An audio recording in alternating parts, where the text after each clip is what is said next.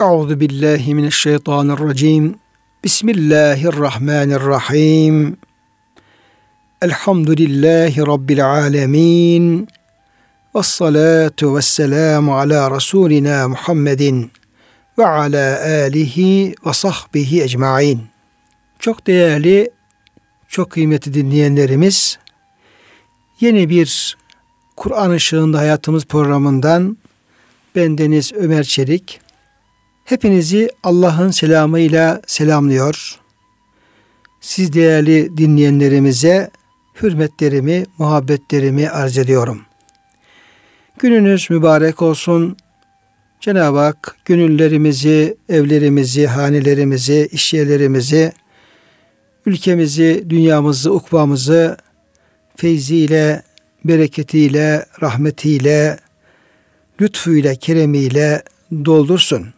Kıymetli dinleyenlerimiz, bugünkü programımızda Hucurat Suresinin ilk ayetlerinde özellikle biz müminlerin Allah'a ve Resulullah'a karşı üzerimizde bulunan sorumluluklar saygıdır, sevgidir, itaattir. Onların buyruklarına kayıtsız şartsız teslimiyettir. Resulullah sallallahu aleyhi ve sellem Efendimizin ümmeti karşısında, müminler karşısında konumudur, değeridir, yüceliğidir, şerefidir. Ve onun tabileri olarak, onun ümmeti olarak Allah Resulü sallallahu aleyhi ve selleme olan sevgi, saygı, itaat, ittiba mesuliyetimizdir. Bu konuların ele alınmış olduğu Hücurat suresinin ilk ayetleri çerçevesinde birlikte olacağız. Cenab-ı Hak bize mümin olma, Müslüman olma lütfunda bulundu. O nimeti devam ettirsin, elimizden almasın. Ayet-i kerimenin ifadesiyle Ya eyyühellezine amenüttekullâhe hakka tukatihi ve la temutunne illa ve entum muslimun. Ey iman edenler Allah'tan nasıl korkulması gerekiyorsa onun büyüklüğüne, azametine, kudretine, rububiyetine, uluhiyetine layık bir şekilde ondan korkun. Ona karşı gelmekten sakının ve Cenab-ı Hak size iman, İslam lütfunda bulundu. O nimeti son nefese kadar devam ettirin ve Müslümanlar olarak son nefeste Allah diyerek, la ilahe illallah diyerek imanla, İslam'la son nefesinizi verin buyuruyor. Cenab-ı Hak inşallah bu nefeslerimizi de hep Allah'ı zikirle, imanla, kelime-i tevhidle geçirir ve son nefesi de o şekilde vermeyi bize Rabbim kolay kılar. Dolayısıyla bu ayeti kerimelerde birinci ayeti kerimede Estaizu billah Ya eyyühellezine amenu la tukaddimu beyne yedeyillahi ve rasulihi vettekullah innallâhe semi'un alim sadakallahu azim Ey iman edenler kendi görüş ve hükümlerinizi Allah ve Resulünün verdiği hükmün önüne geçirmeyin. Allah'a gönülden saygı duyup ona karşı gelmekten sakının. Şüphesiz Allah her şeyi hakkıyla işiten, her şeyi hakkıyla bilendir. Burada Yüce Rabbimiz biz müminlere hitap ediyor, hitap ediyor ve bizden bir talepte bulunuyor Rabbimiz. Ey iman edenler diyor. Ey insanlar demiyor, ey kafirler demiyor, ey münafıklar demiyor. Hitap müminlere, iman edenlere. Biz de değerli dinleyenlerim kendimizin mümin olduğunu söylüyoruz. Rabbimiz imanımızı kabul buyursun. Dolayısıyla iman ettik diyoruz, amenna diyoruz, müminiz diyoruz, Müslümanız diyoruz. Dolayısıyla bu ayeti kerimenin hitabının bize olduğu bir gerçek. Bu hitap bize. Sonra Cenab-ı Hak la tukaddimi buyuruyor. Önüne geçmeyin. Allah'ın önüne geçmeyin. Resulün önüne geçmeyin. Yani bir insan nasıl Allah'ın önüne geçer? Nasıl Resulullah'ın önüne geçer? Ve herhalde yürürken önüne geçme anlamında bu manayı vermiş müfessirleri ama herhalde sadece bu değil. Yani yürürken Allah'ın önüne geçemeyiz. Allah bizi her yönümüzden kuşatmıştır. Dolayısıyla burada özellikle dinle alakalı, şeriatla alakalı, ahkamla alakalı, hayat tarzıyla alakalı, haramlar, helallerle alakalı bu dünyada Cenab-ı Hakk'ın bizi sorun tuttuğu kullukla alakalı, yükümlülükle alakalı bir talimat var. Önüne geçmeyin diyor Cenab-ı Hak. Allah şöyle buyuruyor ama ben de şöyle düşünüyorum. Resulullah şöyle demiş, şöyle buyurmuş ama ben de şöyle düşünüyorum. Şu konuda dinin şöyle bir hükmü var. Açık bir beyanı var, nassı var. İçkisinden, faizinden, örtünmesinden, ticaretinden, bütün ahlaki amelle, ahlakla, muamele ilgili efendim hususlar. E, dinin böyle bir var ama benim de şöyle bir kanaatim var. Falan kişinin de şöyle bir görüşü var. Falan kurumun şöyle bir kararı var.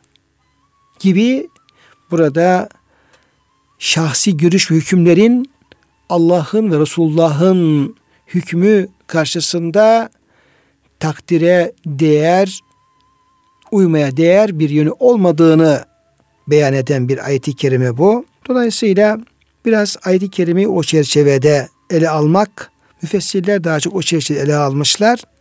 Din ve şeriat vazetmeye, koymaya, kulların her türlü söz, fiil ve davranışlarının nasıl olması gerektiği hususunda kanun koymaya tek selahiyetli zat şüphesiz ki Allah Teala'dır. Ele lillahi dinul halis.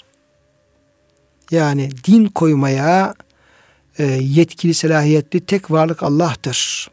İnne dine indallahil İslam. Allah katında makbul tek din İslam'dır. Allah'ın koyduğu, gönderdiği dindir, İslam'dır. Dolayısıyla Şari Teala Allah Teala'dır. Ayet-i Kerime'de o Resulü de geçiyor. Peygamberimiz sallallahu aleyhi ve sellem ise onun koyduğu bu kanunları vahiy yoluyla alıp tatbik eden, insanlara tebliğ eden ve eksik kalan kısımları da yine Allah'ın izniyle ve vahiyle tamamlayan kişidir. Peygamber Efendimiz de şaridir ama onun Efendimizin şariliği Allah'ın şariliğine bağlıdır. Allah'ın izine bağlıdır. Allah'ın vahine bağlıdır. Orada Peygamberimiz sallallahu aleyhi ve sellem Yüce Rabbimizin yeryüzündeki halifesi, temsilcisi olan Allah adına hüküm beyan eden, Allah adına söz söyleyen, hareket eden Allah'ın elçisidir. Allah'ın gönderdiği bir kişidir, peygamberidir, elçisidir. Dolayısıyla burada da din dediğimiz zaman Peygamberimiz Aleyhisselam da Rabbimiz gibi sözü dinlenmeye, uyulmaya ve önüne geçilmemeye layık olan ve hak sahibi olan bir kişidir. Dolayısıyla kıymetli dinleyenlerim biz din dediğimiz zaman, İslam dediğimiz zaman Allah'ın ve Resulünün buyrukları, emir ve yasaklarını aklımıza getirmemiz lazımdır. Bu emir ve yasaklara göre yaşamanın ilk şartı bunlara iman etmektir. Önce öne geçmemek ne demek? Allah'ın Resulünün önüne geçmemek demek, Allah'ın gönderdiği din, Kur'an-ı Kerim ve Peygamberimiz ve Kur'an ve sünnetin beyan ettiği, önümüze koyduğu sözlerimizle, fiillerimizle, davranışlarımızla, hal ve hareketlerimizle ilgili ne yapmalıyız, nasıl yapmalıyız, imanımız nasıl olmalı, amelimiz nasıl olmalı, kulluğumuz nasıl olmalı, bununla ilgili efendim ee, buyruklar, din bu. Bunun birinci şartı bunları Allah'ın gönderdiğini kabul etmek, tasdik etmek ve ona iman etmektir. Onların gerçekten Allah'ın emirleri olduğuna ve onlara uymanın insanın hem dünyası hem de ahireti için mahsa hayır olduğuna inanmaktır. Elhamdülillah biz bu imana sahibiz ama tabii ki böyle bir imandan mahrum olan nice insanlar var. Yani Allah vardır dese bile yani Kur'an-ı Kerim'i, peygamberimizi, dini, İslam'ı yani adam bakıyoruz bir program yapıyor. Programda güya din konusunu tartışıyor. Sunucu diyor ki işte benim çok dinle alakam yoktur ama. Yani önemsemiyor. Yani Resulullah önemsemiyor, Kur'an önemsemiyor, ayet önemsemiyor. Yani bu bizim ülkemizde olan şeyler bunlar. Yani utanmasa yani dini bir inkar edecek. Halbuki bir din konusunu tartışıyor. Bir diyelim işte efendim İslam'la alakalı bir şey tartışıyor. Benim dinle alakam yoktur diyor. Dolayısıyla yani bunu çok uzakta aramaya gerek yok. Kendi e, içimizde de yakınlarımızda da e, kendi medyamızda da yazarımız arasında da dini hiç kale almayan Allah Resulullah peygamber dediği zaman adamın hiç e, kılı kıpırdamayan maalesef insanlarımız var. Allah e, hepimize hidayet versin. Onların da e, hidayet versin. Hepimizin hidayetini ardırsın. Dolayısıyla yani ilahi kanunlara, Allah'ın kanununa, Kur'an'a, sünnete, dine, İslam'a, İslam'ın temel esaslarına yani inkarı mümkün olmayan esaslarına iman etmek ve bunun e, Allah'ın kanunu olduğunu inanmak bu e, birinci sırada yer, yer almaktadır ve ve burada çok önemli bir e, noktayı teşkil etmektedir. Dolayısıyla kıymetli kardeşlerim ayet-i kerimede Allah'ın Resulünün önüne geçmeyin derken önce iman etmek. Sonra da hayatın her alanıyla ilgili söz, fiil ve davranışlarımızı tanzim ederken bu hususlarda Allah ve Resulünün emrinin ne olduğunu çok iyi bilmek ve tüm amellerimizi bu emirlere uygun olarak yapmaya çalışmak. Haktır, adalettir, zulümden uzak durmaktır, haram olan şeyden uzak durmaktır, elimizden, gözümüzden, ayağımızdan e, yani takva sahibi olmak, bunları gerekli şeyi kullanmaktır. Din zaten bununla ilgili bütün prensipleri e, ortaya koymuştur, belirlemiştir. Allah ve Resulüne emri belliyken kendiliklerinden hüküm ortaya koymaya, ona uymaya ve başkalarını da ona uydurmaya kalkışanlar vardır. Kur'an-ı Kerim'in ifadesiyle bunlar tağuttur. Bunlar şeytandır. Bunlar e, kafirdir, din düşmanıdır. Ve e, Cenab-ı Hak iki gruptan bahseder. Bir tağuta uyanlar, iki Allah'a uyanlar. Dolayısıyla e, tağuttan kaçınanlar, Allah'a teslim olanlar. وَالَّذ۪ينَ يَجْتَنِبُونَ الطَّاغُوتَ O müminler ki tağuttan uzak dururlar. Şeytanlara uzak dururlar. Allah'ın dinine karşı din ihtas eden, Allah'ın kanunu ortadayken onu hiçe sayıp kendine göre hayat nizamları, kanunları ortaya koymaya çalışan ve insanları bu kanunlara uymaya zorlayan e, mercilerin hepsi tağuttur Kur'an-ı Kerim ifadesiyle. Böyleleri de vardır. Niceleri vardır. Hatta bunu dünya çapında devletler bazında bu şekilde tağut ünvanını almayı hak eden yani müste müstehak olan e, güçler vardır. Tamamen taban tabana Allah'ın diniyle e, zıt bir hayat tarzını e, öngören, bunu icbar eden, bunun e, her kanaldan, her yoldan bunu e, teşhir eden, ortaya koyan ve insanları Allah yolundan saptıran ve kendi o batıl dinlerine uymaya zorlayan nice karşımızda e, devletler vardır, güçler vardır, e, makamlar, mevkiler vardır.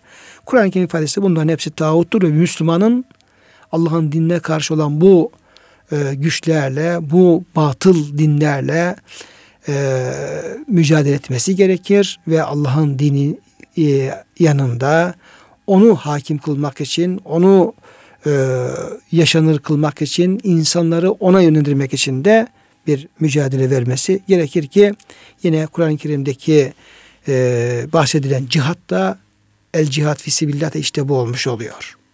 Yani öyle bir hayatta yaşıyoruz ki biz içkinin haram olduğunu söylüyoruz. Haramdır diyoruz. Kesinlikle e, azı da çoğu da haramdır. Allah bunu haram kılmıştır. Aha ayetler Maide suresinin 90-91. ayetleri Efendimiz Aleyhisselam'ın sözleri, uygulamaları ama şimdi öyle bir hayat tarzı bize dayatılıyor ki öyle muhitler var ki yani içki içmenin farz terk edildiği yerler var. İçmeyenin kötü görüldüğü insanlar var. Öyle düzenler var ki bu o ülkenin, o devletin hayat tarzı. İslam zinayı haram kılıyor. Yani zinayı hoş gören, uygun gören, gerekli gören anlayışlar vardır. Bunun örnekleri artırmak e, mümkündür. Dolayısıyla burada la tukaddimu beyni değillahi ve rasuli derken burada bir Müslümana ayet-i kerime büyük bir sorumluluk yüklemektedir. Burada ayet-i kerimeyi anlama açısından kıymetli dinleyenlerim Hazreti Muaz bin Cebel'den e, bir onunla alakalı bir hadis-i şerif ve hatta o mübarek sahabenin peygamberimizde olan bir konuşması e, yer alıyor. Onu e, aktarmak istiyorum ve o, o çerçevede de yine ayet-i kerime anlamaya çalışalım diye arz ediyorum.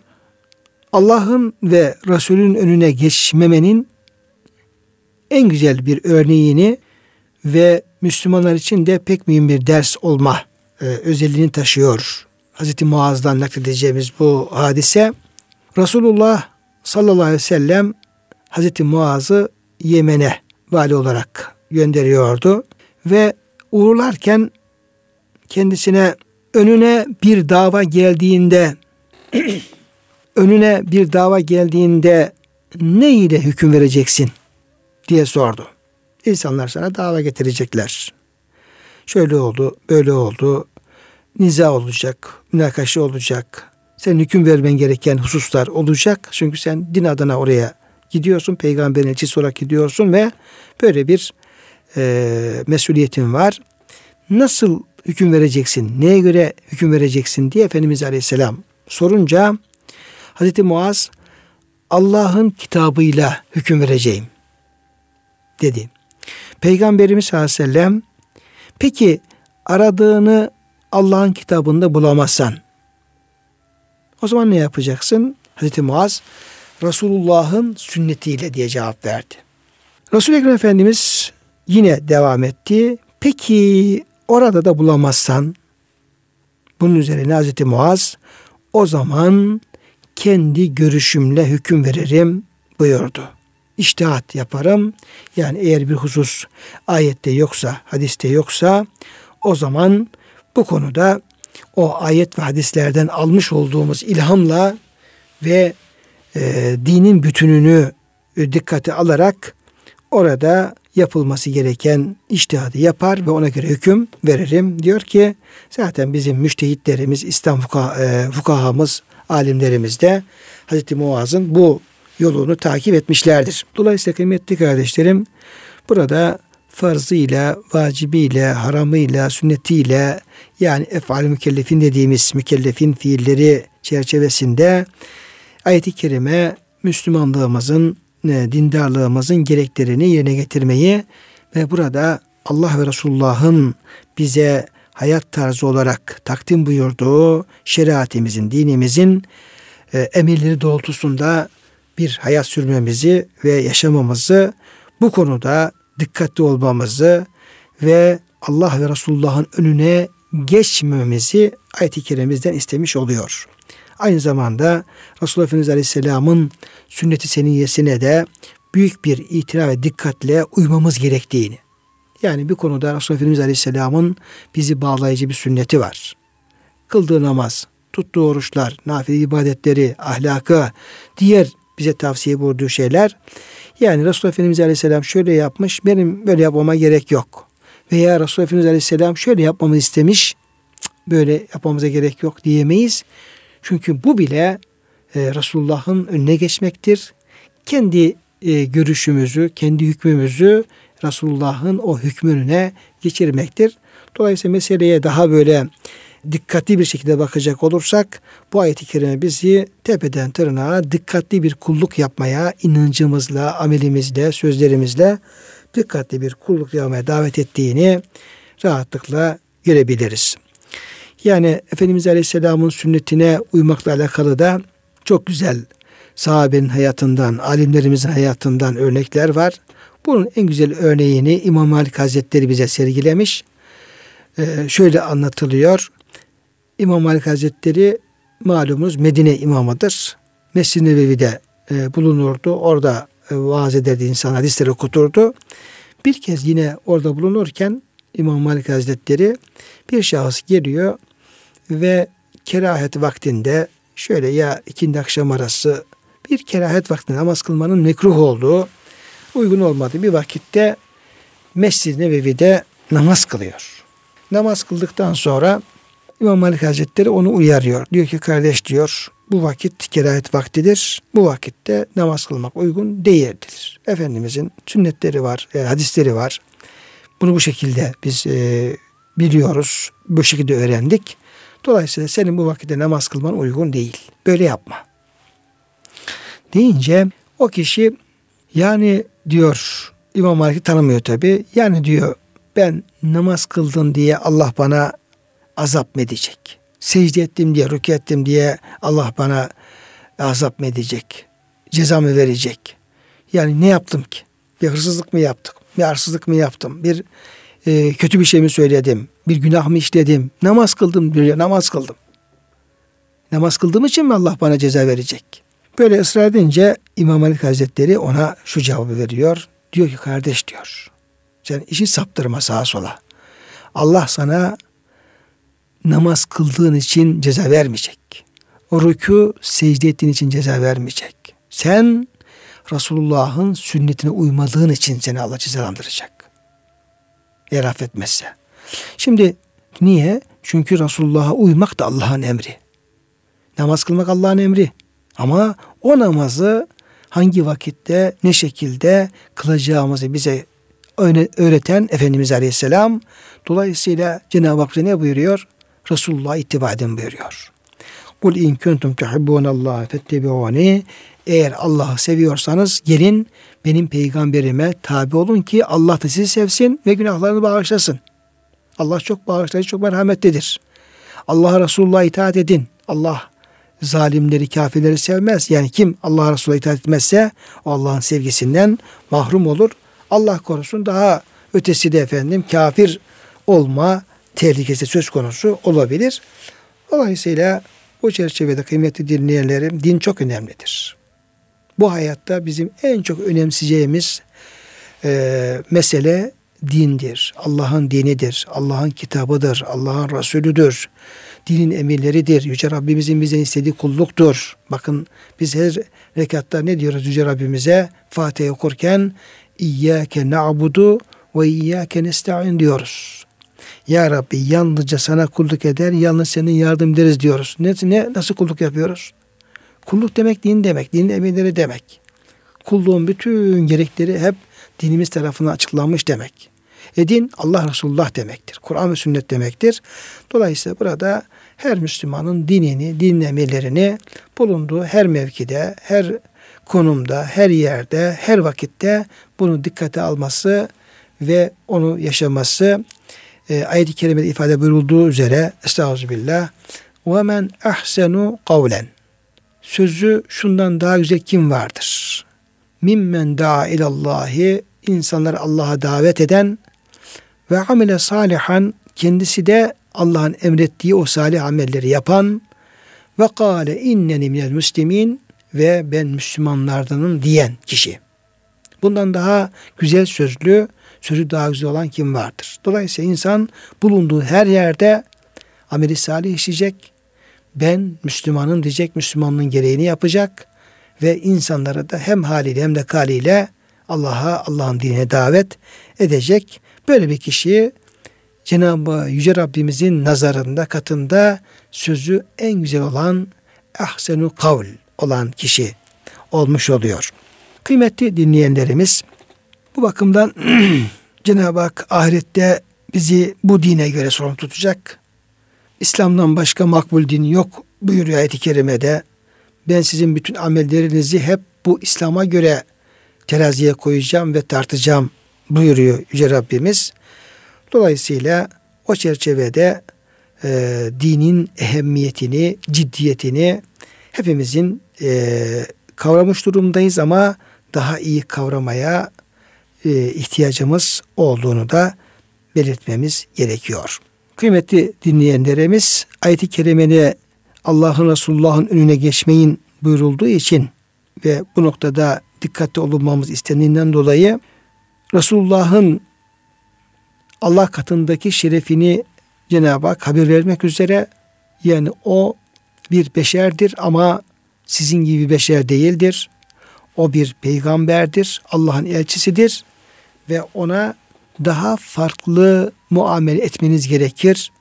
Ona olan saygınız, sevginiz, e, itaatiniz, itibarınız daha fazla, daha farklı olması gerekir. Yani birinci ayet-i kerimeyi pekiştirici, Resulullah'ın bütün emirlerini, buyruklarını, sünnetini dikkate almamızı sağlayıcı ve onun önüne geçmemizi engelleyici o ayetin hükmünü ve manasını, muhtevasını pekiştirmek üzere peşinden ikinci ayet-i kerime geliyor. Bu ayet-i kerimede Yüce Rabbimiz şöyle buyuruyor. Ya eyyühellezine amenu la terfa'u asvatekum fevqa savtin nebiyyi. Yine hitap müminlere, bizlere ey iman edenler seslerinizi Nebi'nin yani Hazreti Peygamber'in, Hazreti Muhammed Aleyhisselam'ın sesi üzerine sesinden fazla yükseltmeyin. Ve la techeharu lehu bil kavli birbirinizle yüksek sesle konuştuğunuz gibi kecehri ba'dukum li ba'din onunla yüksek sesle konuşmayın. En tahbata amalukum ve entum la teş'urun yoksa siz farkında olmadan bütün amelleriniz boşa gidiverir.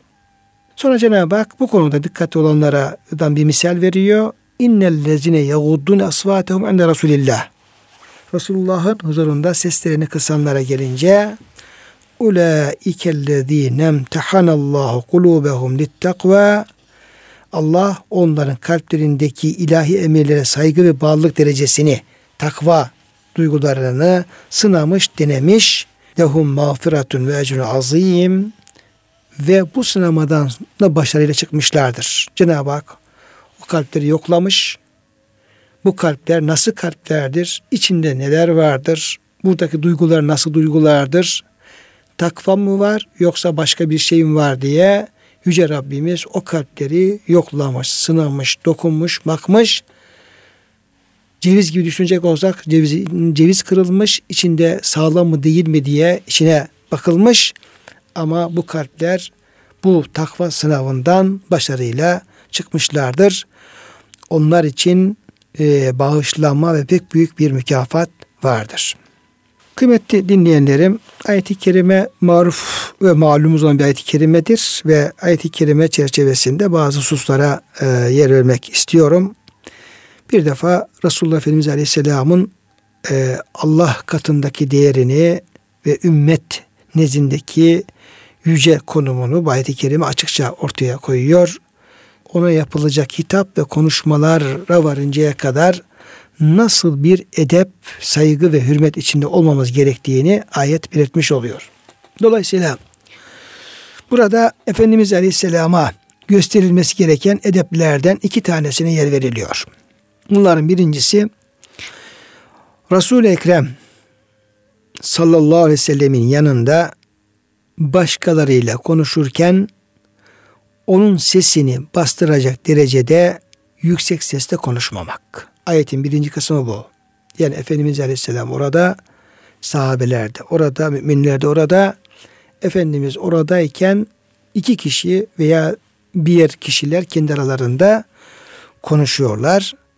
Burada Efendimizin sesini bastıracak veya onu rahatsız edecek derecede yüksek sesle konuşmamak diye bir edep bize öğretiliyor. Nitekim sahabenin en seçkinlerinden olan Hazreti Ebu Bekir ve Hazreti Ömer ile ilgili şu hadise konuyu izahta dikkat çekici bir öneme sahiptir. Olay şöyle. Temim oğullarından bir heyet Peygamberimiz sallallahu aleyhi ve sellem ile görüşme yapmak üzere geldiler. Görüşme esnasında Hazreti Ebu Bekir ile Hazreti Ömer de orada bulunuyorlardı. Bu iki güzide seçkin sahabi kabileye seçilecek başkan hakkında biraz anlaşmazlığa düşüp Efendimiz huzurunda biraz da münakaşa sözlü bir böyle münakaşa, niza yaptılar. Haklarında bu ayetin ince çok pişman oldular, üzüldüler. Bundan böyle Nebi Ekrem'in yanında o kadar alçak sesle konuşuyorlardı ki çoğu kere Peygamberimiz sallallahu aleyhi ve sellem işitemedim tekrarlar mısın demek durumunda kalıyordu. Buhari bu sürenin tefsirinde bu rivayetler yer alıyor Buhari'de. Dolayısıyla burada birinci olarak yani Hazreti Ebu Bekir radıyallahu anh, Hazreti Ömer radıyallahu anh gibi yani o sahabiler ne kadar müeddep sahabiler, ne kadar Resulullah'ın sallallahu aleyhi ve sellem hukukunu bilen sahabiler ama orada bir zuhur eseri, küçük bir gaflet eseri böyle bir e, küçük bir ihmalin olduğu anlaşılıyor bu rivayet dikkate aldığımız zaman ve Cenab-ı Hak hemen bu ayet-i kerimeyi indiriyor. Aslında Cenab-ı Hak bunu affedebilirdi. Görmezden gelebilirdi. Hiç böyle bir ayet indirmeyebilirdi. O iki sahabi orada üzmeyebilirdi. Ama Resulullah'a itaat, ittiba, hürmet, bağlılık, saygı o kadar önemli ki ve Yüce Rabbimiz bunu o kadar önemsiyor ki yani o seçkin iki sahabenin de yani üzülmesi pahasına hayır yapmamanız gerekir anlamında onlar üzerinden bütün Müslümanlara bir ibret ve ders olması için bu ayetler geliyor. Çok çok ağır ayet-i kerime. Hele hele o yani yüzide sahabilerin Allah Resulullah'a tam inanmış, hayatlarını Allah Resulü adamış, Allah için canlarını rahatlıkla vermiş ve verebilecek durumda olan o insanlara ayet-i kerime gelecek. Yapmayın diye efendim ikazda bulunacak. Onlar için gerçekten çok üzücü bir durum. Fevkalade üzücü bir durum. Ama Cenab-ı Hak onunla hareketle böyle bir yanlış yol e, oluşmasın. Bir Resulullah'a karşı bir saygısızlıkın kapısı açılmasın. Böyle bir ihmal kesin yapılmasın diye yani yorumlarsak diye yani oradaki o küçük bir ihmali bile dikkate alarak aman aman yani görmezlikten gelmiyor Yüce Rabbimiz. Hemen olaya müdahale ediyor ve siz de yapmamanız lazım ve bundan sonra kimse de böyle bir şey yapmasın diyerek meselenin ehemmiyeti ortaya konmuş oluyor.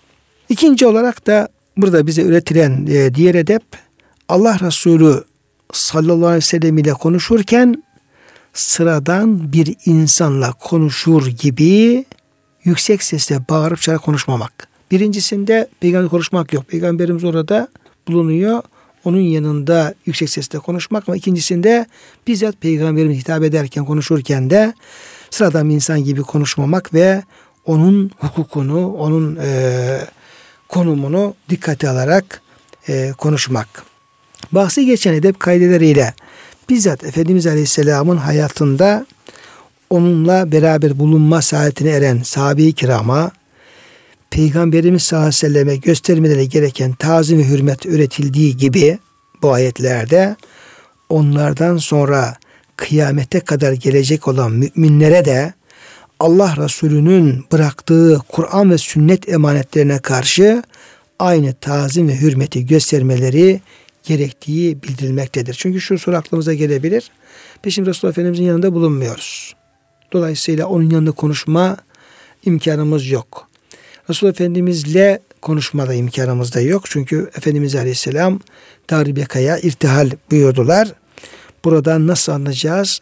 Efendimizin şahsına, adına, anıldığı yere, sünnetine, getirdiği emanete onlara davranma noktasında da yine aynı saygıyı, aynı hassasiyeti göstereceğiz. Bize de bu talimat verilmektedir. İster gidelim Efendimizin yanına Medine'ye, Ravza-i Mutahhara'ya ziyaret esnasında olsun, ister Efendimiz'i söz konusu ettiğimiz her yerde zaman olsun, ister onun getirdiği emanetin, din emanetinin, Kur'an ve sünnet emanetinin e, dile getirildiği yerler olsun. Orada aynı saygıyla sesimizi yükseltmeden saygı ve hürmet içerisinde onlara boyun eğmeli, onları kabul etmeli ve onlara karşı herhangi bir saygısızlık yapmamalı. Ayet-i kerime bize de bu vazifeyi yüklemektedir. Çünkü kıymeti dinleyenlerim alemlerin efendisi, sevgili peygamberimiz, Allah Resulü, Hz. Muhammed Aleyhisselam'a gösterilmesi gereken istenen hürmet imanın bir gereğidir. Ona hürmetsizlik ise imansızlığın bir alametidir. Bu sebeple ayette yasaklanan hususlara dikkat etmeyenlere Allah'ın peygamberine karşı sergilenecek saygısız bir davranış yüzünden farkında olmadan amellerine boşa gideceği ikazı yapılmaktadır. Kur'an ayetlerinin mümin gönüllerde bıraktığı tesir ve ayetlerin mucibince amel etme hassasiyeti bakımından bazı misaller vermek gerekirse bu, bu hepimizin için çok önemli misallerdir bunlar. Bu ayeti kerime yani Hucurat 2 Ey iman edenler seslerinizi peygamber sesinden fazla yükseltmeyin ayeti gelince Ashab-ı kiramdan Sabit bin Kays radıyallahu anh evinde oturup ağlamaya başladı. Peygamberimiz sallallahu aleyhi ve sellem Sabit'i bir müddet göremeyince ya Sabit bizim mescidimize gelirdi. Arkamda namaz kılardı, görüşürdük. Acaba nereye gitti, nerede bu Sabit diye Efendimiz soruşturmaya başladı. Orada bulunanlardan biri de ey Allah'ın Resulü ben onun yerini biliyorum dedi. Hemen gidip onu evinde oturmuş baş önünde ağlıyor vaziyette buldu. Neyin var, niçin ağlıyorsun diye sordu. O da hiç sorma. Şer var, kötülük var. Sesim Resulullah sallallahu aleyhi ve sellemin sesinin üstüne çıkıyordu. Ben böyle konuşuyordum. Bütün amellerim boşa gitti. Cehennemlik oldum cevabını verdi. Sahabi Sabit'in bu sözlerini Efendimiz Aleyhisselam haber verdi. Efendimiz ona git ve söyle sen cehennemlik değilsin bilakis cennetliksin buyurdu. Buhari'de ve Müslim'de geçen bir rivayet. Tabi burada kıymetli kardeşlerim yani o sahabenin bu hassasiyetini dikkate almamız lazım. Biz olsak hiçbir söz üzerimize almayız. Kendimizi sütten çıkmış ak kaşık gibi kabul ederiz. Ya ne yaptım ki falan deyiveririz. Ama bir ayet geldiği zaman o sahabiler o ayet-i kerimeler karşısında nasıl eziliyorlardı? Onun ağırlığını nasıl hissediyorlardı? Orada bahsedilen bir şey var. Yani bir üstün meziyet varsa onu hiç üzerine almıyorlardı. Bu benim falan demiyorlardı. Ama ayet bir şey ikaz ediyorsa hepsi aman ayet bize söylüyor. Bizim yanlışımız var. Acaba biz ne yaparız diye böyle ağlıyorlar. Sahabe böyleydi. Bunun binlerce örneğini bulmak mümkün. Ayet karşısında sahabenin nasıl ezildiğini, oradaki Yüce Rabbimizin bir ikazını nasıl üstlerine aldıklarını ve o ardan, o mahcubiyetten kurtulmak için nasıl böyle gözyaşı döktüklerini, onun misallerini çok görmemiz lazım. Bu tabi bir mümin hassasiyeti ve her müminin, hepimizin kalben, ruhen ayetler karşısında, Rabbimizin emirleri karşısında böyle bir hassasiyete sahip olmamız gerekiyor. Ve bu müminliğin bir gereğidir çünkü. Kıymetli kardeşlerim, yani bunlar bizim e, mukaddes değerlerimiz, Rabbimiz, Allah, Kur'an-ı Kerim, Peygamberimiz, din, iman, cennet, cehennem, Allah'ın şairi, bütün bunlar öyle e, ağırlıklı, öyle değerli e, e, değerlerimizdir ki onları dilimize alırken, onlardan bahsederken, onlar tarafından bize bir hitapta bulunduğu zaman, bir şey söylendiği zaman gerçekten müminin yüreği onlar karşısında böyle bir erimelidir. Allah derken erimelidir. Peygamberimiz derken erimelidir. Kur'an-ı Kerim derken erimelidir. Ayet-i Kerim dediğimiz zaman erimelidir. Bir namaz dediğimiz erimelidir. Yani gönlümüz o ilahi buyruklar karşısında böyle efendim ipek gibi olmalı. Ne buyruluyorsa, ne deniyorsa semyana ve atana. İşittik, itaat ettik. Ya Rabbi biz sana, sana kuluz, senin emrine hazırız diye bu şekilde bir kalbi hassasiyete sahip olmamız lazım. İşte Sabit bin Kays radıyallahu anh Efendimizin de hali buna ne güzel bir misal. Benim diyor, benim sesim yüksek çıktı diyor. Bu ayet bana geldi diyor. Ben muaf oldum diyor. Halbuki ayet ona gelmemiş. O kendisi oradan bir hisleniyor. Efendimiz Aleyhisselam da hayır diyor ayet seninle ilgili değil diyor. Sen merak etme senin e, tabiatın bu seni bir ala, bir e, edep noksanlığı, bir e, hürmet şeyi e, noksanlığı kesinlikle yok. Sen cennetliksin diye müjde veriyor Efendimiz Aleyhisselam ona. Kıymeti dinleyenlerin burada Yine e, bu ayet-i kerime çerçevesinde bir iki misal e, aktarmak istiyorum. Şu misaller Allah Resulü sallallahu aleyhi ve selleme duyulan muhabbet, hürmet ve tazimin zirve noktalarını işaret ediyor. İmam Malik, demin de bir misal verdim ondan, bu alimimizden rahmetullahi aleyh, Resulullah sallallahu aleyhi ve sellem ile aynıleşmenin vecdi içinde yaşardı.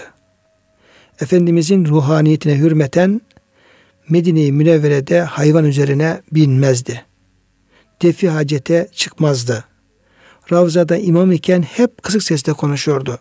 Devrin halifesi Ebu Cafer Mansur yüksek sesle konuşunca ya halife bu mekanda sesini kıs Allah'ın ihtarı senden çok daha faziletli insanlar üzerine indi buyurmuş ve bu ayet-i kerimeyi okumuştu. Halife ikaz ediyor. Yani dini bir gerçeği halifeye söylemekten o zat çekinmiyor. Osmanlı paşalarından meşhur Medine müdafi Fahrettin Paşa Resulullah Efendimiz Aleyhisselam'ın ruhaniyeti rencide olur endişesiyle Ravza'nın tamirinde vazife alan ustalara herhangi bir çivi çakmak icap ettiği takdirde mutlaka tahta çekiç kullanılması, çekiç ile çivi arasına da lastik bandaj konularak sükunetin ihlal edilmemesini emretmiştir. Bu hususta onu böylesine bir edep ve incele sevk eden yine bu ayet olmuştur. Yani şimdi bizim ilahiyat hocalarımız işte bunlar tartışıyor. Bu işte efendim şöyle oldu böyle oldu. Bizim tartışmalarımız boş. Esas bu ayeti kerime ne demek istediğini bizim ulemamız, bizim ecdadımız tam anlamıyla anlamışlar ve onun gereğini yapmışlardır. İşte bu Fahrettin Paşa'nın orada çiviyi çakarken göstermiş olduğu hassasiyet ayetin manasının nedenini anladığını ve ayetin evrensel olarak bütün müminlere nasıl mesaj verdiğinin çok açık bir göstergesidir. Yani işte bunlara itaat etmek, bunları yerine getirmek ağır gelince nefislere bu kez bu ayet şundan bahsetti. Sahabeyle ilgiliydi. Bize e, bir şey söylüyor, söylemiyor gibi tartışmalar içerisine, boş tartışma içerisine giriyorlar maalesef. Sultan II. Mahmut döneminde de Ravza-i Mutahhara'nın yıpranan kısımlarının tamiri ve yeşil kubbenin yenilenmesi söz konusu olunca işinin ehli mimar ve ustalar padişah emriyle derhal Medine-i Münevvere'ye gönderildi. Bu mühendis ve mimarlar kendine tevdi edilen bu nazik vazifeyi Efendimizin ruhaniyetini rahatsız edecek en ufak bir kabalığa veya edebe mugayir bir harekete mahal vermeden yerine getirebilmek için tamirat esnasında hiç dünya kelam konuşmamak üzere anlaşıyorlar. Sonra kendi aralarında da bir dil geliştiriyorlar. Sen bana tuğlayı uzat yerine Allah de. Ben su ibriğini uzat yerine Bismillah diyeyim. Sen çekici uzat yerine La ilahe illallah de. Böylece yeşil kubbe adeta bir zikir meclisinin feyiz ve ruhaniyet iklimi içerisinde inşa edildi. Bu şerefli hizmette bulunan ustalar her taşı abdestli olarak ve besmele ile yerine koydular. Kıymetli dinleyenlerim, dolayısıyla bu ayet-i kerimeler özellikle Peygamberimiz sallallahu aleyhi ve selleme onun sünnetine, getirdiği dine, sonra onun izinden giden İslam alimlerine, yöneticilere, büyüklere gereken saygı göstermeyi, tüm insanlara karşı nazik ve terbiyeli olmayı öğretiyor aslında bize. İslam nezaket dini. İslam zarafet dini. Yani Allah'a, Resulullah'a ve oradan başlayarak bütün mahlukata bir terbiye ve nezaket içerisinde muamele etme. Dolayısıyla dinimiz ne kadar muhteşem bir din. Ayet-i kerimeler ne kadar muhteşem bir hayat tarzı bize öğretiyor. Nezaketi, zarafeti, edebi, ahlakı Cenab-ı Hak bize bu ayet-i kerimeler, diğer ayet-i kerimeler bunları anlayabilmeyi, yaşayabilmeyi, yaşatabilmeyi ve bunun huzurunu, mutluluğunu dünya ahiret tadabilmeyi bizlere lütfetsin diyor kıymetli dinleyenlerim. Hepinize hürmetlerimi sunuyor. Hepinize Allah'a emanet ediyorum.